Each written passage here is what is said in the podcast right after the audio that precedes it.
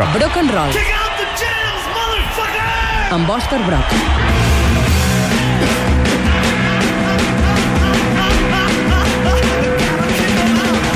Aquí no ens estem de res, els experts. A veure com, com ho diem, això. Nosaltres no ens eh, relacionem amb dealers de poca volada. No. No, no anem amb camells així de... El- el menudeo, que es diu, no. cantona. No, no.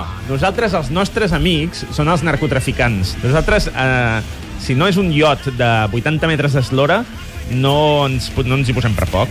Nosaltres ens anem de vacances a Sinaloa cada, cada, cada estiu, m'explico? No? Teníem, teníem amistats importants i, Sí. aneu, i sobretot aneu en compte amb els comentaris que ens feu a Twitter perquè potser algun dia teniu algun personatge a la porta Efectivament. preguntant per vosaltres. Sí, i, aneu en compte. i ben carregat amb pistoles, en Sí, aquest cas. Plata o plomo. Plata o plomo. Um, avui anem de Narcos, sí sí. perquè bona notícia pels fans de la sèrie, la producció de Netflix, arriba la segona temporada d'aquesta sèrie.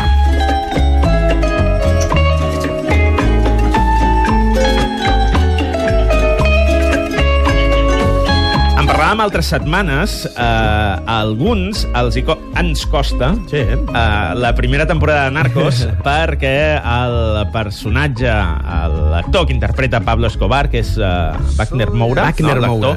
no és eh, castellano parlant, Brasiler. és brasiler i llavors quan parla en castellà costa de creure'l. El que passa que la sèrie és tan eh, bona que la gent ho- li passa això. Eh, Està clar, està clar. Eh, sobretot, eh, eh, les crítiques més dures han vingut de la part de, de l'audiència colombiana, Sí. evidentment, perquè eh, Wagner Moura intenta parlar amb accent colombià i ja no és que li costi parlar en castellà, és que l'accent colombià no el fa. No. I per un colombià ha de ser estrany veure a Pablo Escobar parlant amb accent brasiler. Portunyol. Sí, Portunyol, exacte. El que passa que, clar, jo crec que la sèrie juga eh, amb, amb un avantatge molt gran i és un nivell de producció que els ha permès recrear la vida d'un mite que eh, ens fascina encara. És a dir, Pablo Escobar, ens agradi més o menys, és un, perso és un personatge de la cultura popular dels darrers eh, 30-40 anys que resulta fascinant encara avui per la gent per, pel que va arribar a aconseguir. I jo crec que la sèrie està tan ben feta que eh, et fa oblidar fins i tot una cosa que no perdonaríem a cap altra sèrie, és que el protagonista no sàpiga parlar l'idioma eh, del, del tio el que està interpretant, no? En aquesta segona temporada, tu l'has vist ja, els primers Sí, capítols? sí, sí, sí, sí, S'acaba la, la història de, del patrón en si, no? D'ell. Ah, clar, aviam, no farem cap, es- cap spoiler que la gent no sàpiga. Tothom sap que, que Pablo Escobar va acabar, bueno, doncs, als peus de, va acabar mort a trets eh, Sí. per, per, no? per un assalt de les forces de l'ordre, no?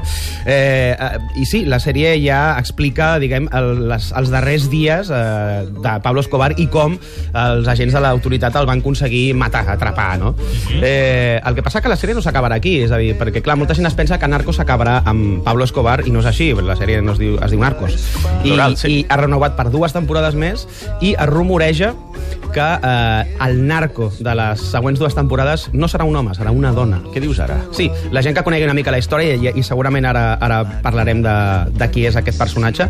Jo no, no he dit el nom, però jo crec, jo crec que ha de ser la, la reina Griselda, Griselda Blanco, que és un personatge, és una narcotraficant molt coneguda i molt sanguinària. I a més, amb un cognom que li va Sí, ella el dit li va perfecte. per traficar. Doncs escolta, més enllà de Narcos, sí, perquè ja sabeu que Narcos és una sèrie que, que ens agrada, eh, però amb el Broc ens vam posar a investigar una miqueta sí. la narcocultura, diguéssim, no?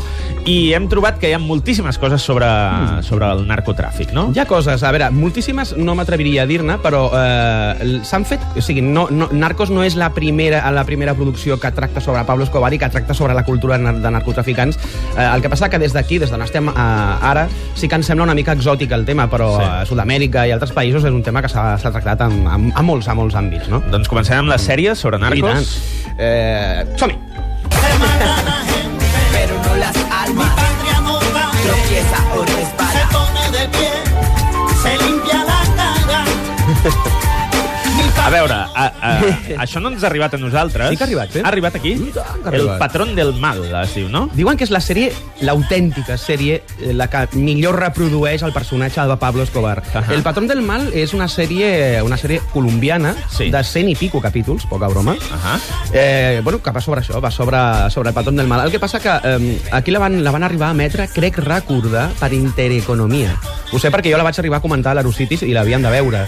I jo aquesta sèrie l'he vist. Per Intereconomia, És, sí, eh? és una sèrie curiosa, perquè sí, el personatge que interpreta a, a Pablo Escobar s'assembla més a Pablo Escobar que a Wagner Moura, evidentment. Ah. És colombià, parla com Pablo Escobar, i segurament te'l creus més. El que passa que la sèrie té aquest punt de colabrot sud-americà una mica delirant, eh, que eh, pel paladar, pel paladar d'aquí doncs, encara no estem habituats a aquesta mena de recursos i, de... i clar, la sèrie quedava com una mena de colabrot en el qual el personatge central era Pablo Escobar, però com podia ser qualsevol personatge eh, còmic, no? Eh, el que passa que, bueno, la, la sèrie diuen, diuen el, el, el, hi ha molta gent que és molt més partidària del Patrón del Mal, la sèrie colombiana, que de Narcos. I, de fet, molta gent les compara i, evidentment, en aquesta partida sempre guanya l'actor de la sèrie colombiana. Clar, perquè és colombià. Exacte. Que al fil de tot això, eh, també comentar que eh, el Patrón del Mal pertany a un subgènere creat per la cultura narco a la televisió, a les ficcions televisives, que es diu narconovela. I la narconovela existeix i són eh, col·laborats sud-americans amb temàtica de narcotraficants, de narcos. I tenen moltíssim d'èxit. Eh, penso, per exemple, eh, en, en el Càrtel, en el Capo... És a dir, hi ha títols que han tingut molta, molta audiència a, a Sud-amèrica i que, i que es eh, basen bàsicament en aquest gènere creat arrel dels narcos, no? El, la narconovela. The cheapest, most addictive form of cocaine ever seen in this country. Crack. Everywhere you go, crack. I'm beaming up to the Enterprise.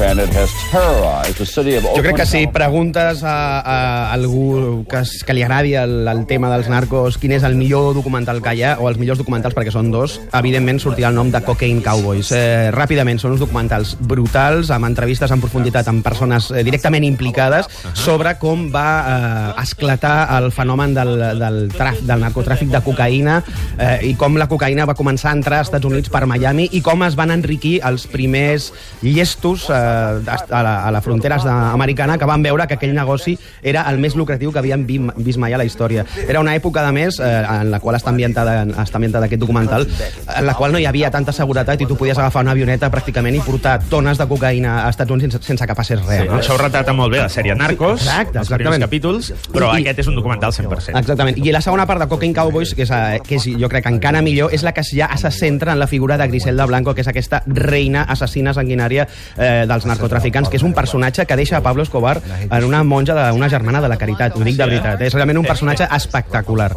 Eh, què més us recomanaria? També us recomanaria un documental que es diu Cartel Land, que, que ha estat molt reconegut, ha estat premiat, i és un, un documental que eh, intenta eh, explicar des de dins i amb imatges que realment són increïbles perquè es fica enmig de conflictes armats i enmig de, de, bueno, de manides de trets que dius, ostres, sembla que no sortiran vius les càmeres d'aquí.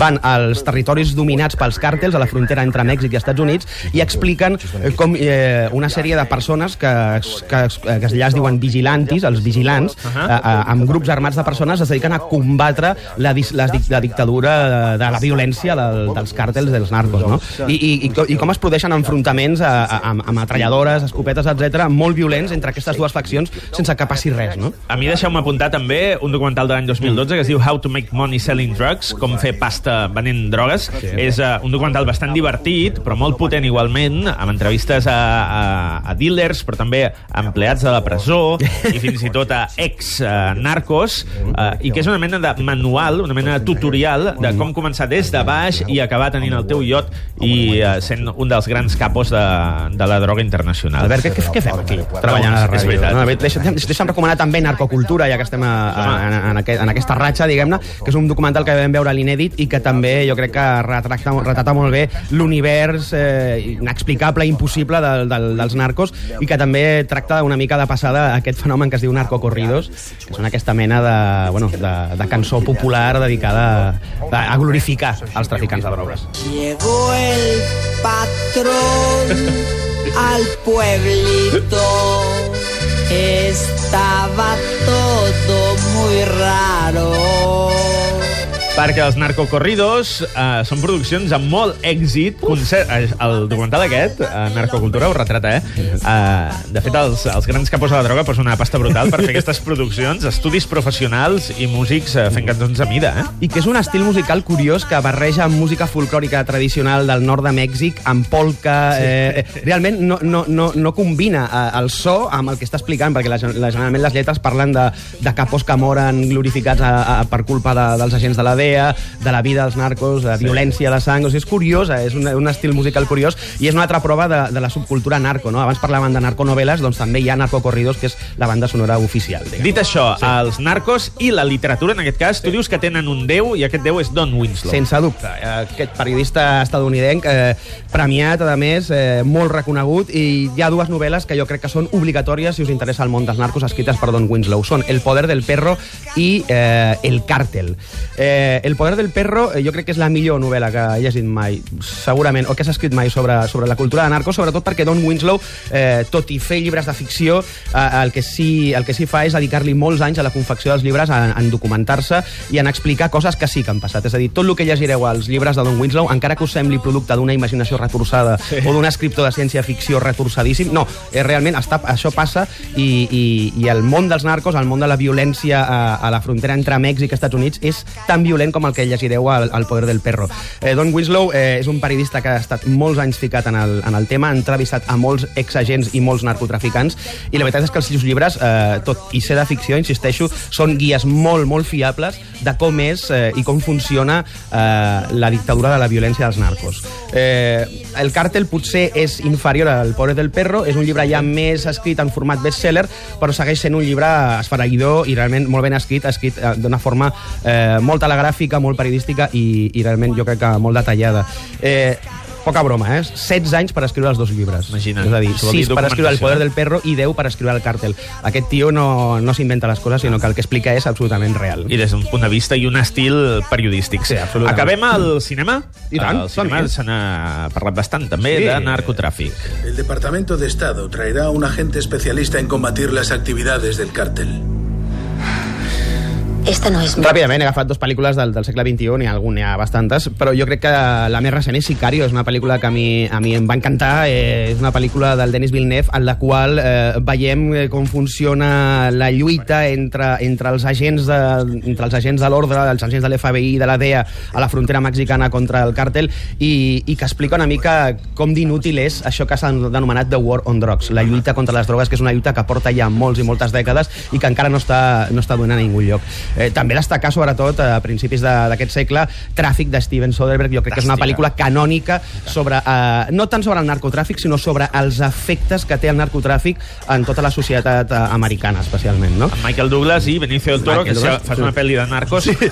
ha de, sortir, ha de sortir Benicio del Toro, perquè Benicio del Toro ha fet moltes pel·lis de narcos, eh? l'hem vist, a, a, vist a Tràfic, però també el vam veure a interpretar a Pablo Escobar, a Pablo Escobar Paradise Lost, que és una pel·lícula menor sobre, sobre el narco. Doncs queda dit, ja ho sabeu. Broc, veus aquell noi que allà, Sí, allà a la sí, cantonada? sí, sí, Diu sí. que t'espera. Oi, epa! Adéu, oients, fins demà. Que vagi bé.